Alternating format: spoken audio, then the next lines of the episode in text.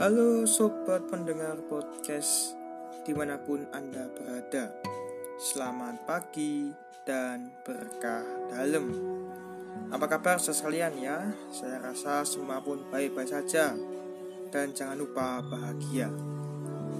Kali ini saya sendiri Mas Ignatius Seorang awam yang akan menjadi religius. Kita akan mengajak saudara sekalian untuk merenungkan Wartaan Injil pada hari Rabu tanggal 23 September 2020 pada peringatan Santo Padre Pio dari Cina, imam dan stigmata yang terkenal. Maka marilah kita siapkan arah putih, hati pikiran dan segala galanya, galanya pada Tuhan, kita hening jenak. Dalam nama Bapa dan Putra dan Roh Kudus. Amin. Allah yang Maha Kuasa dan kekal, berkat rahmat yang istimewa, Engkau telah mengingatkan kami untuk mengambil bagian dalam salib putramu, dan Engkau telah memperbarui karya-karya agung keiman. Semoga kami selalu dikhususkan dalam sengsa Kristus dan dibimbing dengan sukacita menuju kebangkitan dalam kemuliaan dengan pengantaran Kristus Tuhan kami. Amin. Semoga Tuhan beserta kita sekarang dan selama-lamanya. Inilah Injil Yesus Kristus menurut Santo Lukas. Dimuliakanlah Tuhan. Sekali peristiwa Yesus manggil kedua belas muridnya, lalu memberikan tenaga dan kuasa kepada mereka untuk menguasai setan-setan dan untuk menyembuhkan penyakit-penyakit. Ia mengurus mereka untuk mewartakan kerajaan Allah dan menyembuhkan orang-orang. Yesus berkata kepada mereka, Jangan membawa apa-apa dalam perjalanan. Jangan membawa tongkat atau bekal, roti atau uang, atau dua helai baju Apabila kalian terima di suatu rumah, tinggal di situ sampai kalian berangkat dari situ. Dan kalau ada orang yang tidak mau menerima kalian, keluarlah dari kota mereka dan kebaskanlah debunya dari kakimu sebagai peringatan terhadap mereka. Lalu pergilah mereka dan menjelajah segala desa sambil memberitakan Injil serta menyembuhkan orang sakit di segala tempat. Demikianlah sabda Tuhan. Terpujilah Kristus. Shalom alaikum bisem Yesua Hamasiah. Walaikum salam. Selamat pagi dan berkah dalam sobat pendengar.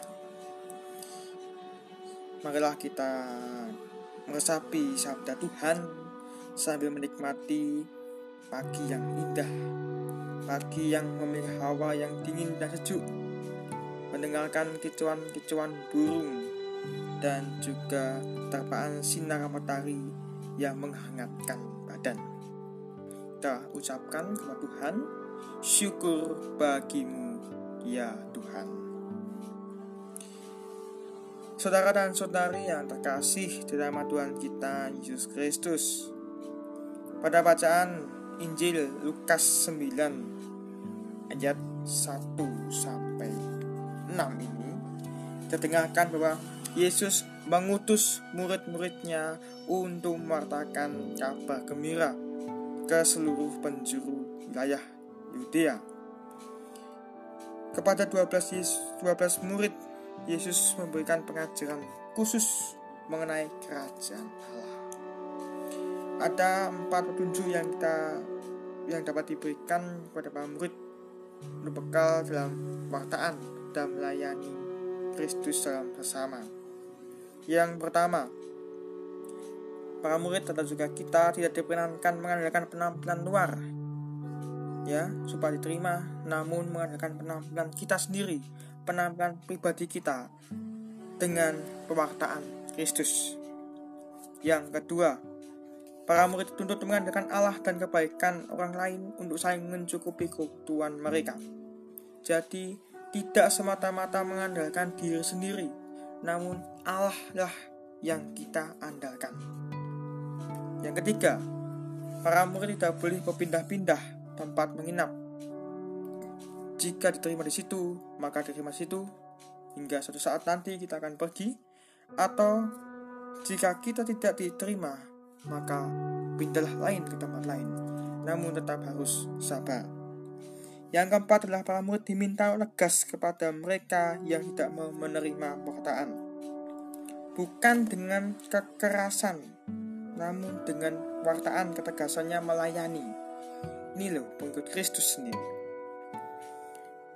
Kita sebagai pengikut Kristus zaman sekarang juga dituntut oleh Yesus agar kita pun selalu mengandalkan penampilan pribadi kita rupa kita dan juga penampilan kita untuk melayani Tuhan. Tanpa apa pun walaupun kita dapat menjelekkan orang lain namun kita tetap sabar bahwa inilah diriku yang asli untuk melayani Tuhan dalam sesama.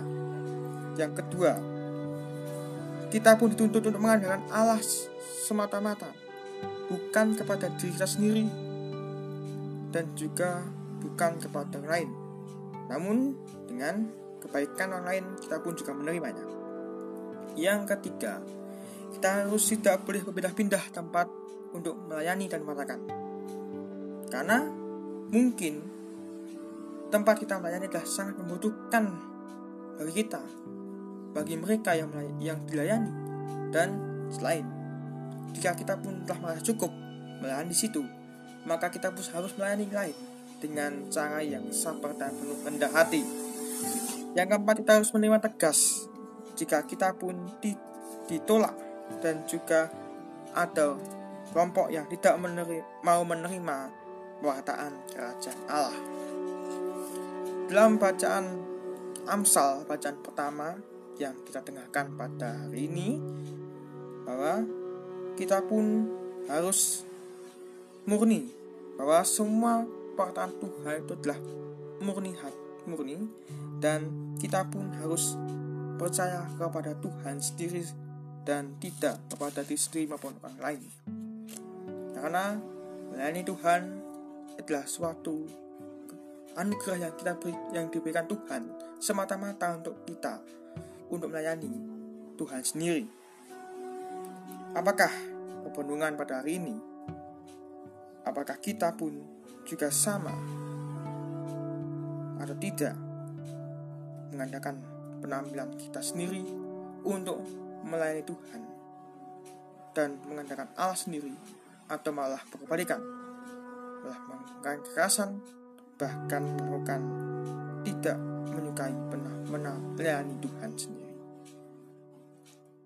Seperti pada peringatan yang kita teringat peringatan hari ini Santo Padre Pio seorang imam yang saleh dan stigmata yang hebat.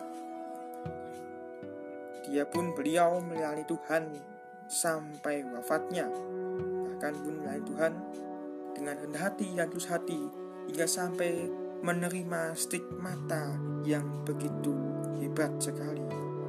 Karena hanya beberapa saja orang saja yang dapat menerima anugerah stigmata ini sendiri. Apa kita pun kuat menghadapi godaan-godaan dalam melayani Tuhan atau malah kita pun tidak kuat dan hancur imannya. Kita hening sejenak marilah kita berdoa. Maha Kuasa, semoga sabdamu yang kami terima mempersiapkan kami untuk kebahagiaan abadi yang telah dimenangkan oleh Santo Padre Pio dalam pelayanan yang penuh iman ini. Demi Kristus Tuhan dan pengantara kami, kini dan sepanjang segala masa. Amin. Semoga Tuhan beserta kita sekarang dan selama-lamanya. Semoga sudah sekalian aktivitas kita pada hari ini, senak keluarga, dan rencana-rencana kita pada hari ini senantiasa diberkati, dilindungi, dan dibimbing oleh Allah yang Maha Kuasa dalam nama Bapa dan Putra dan Roh Kudus. Amin. Terima kasih dan berkah dalam selamat melanjutkan aktivitas kembali dan jangan lupa bahagia.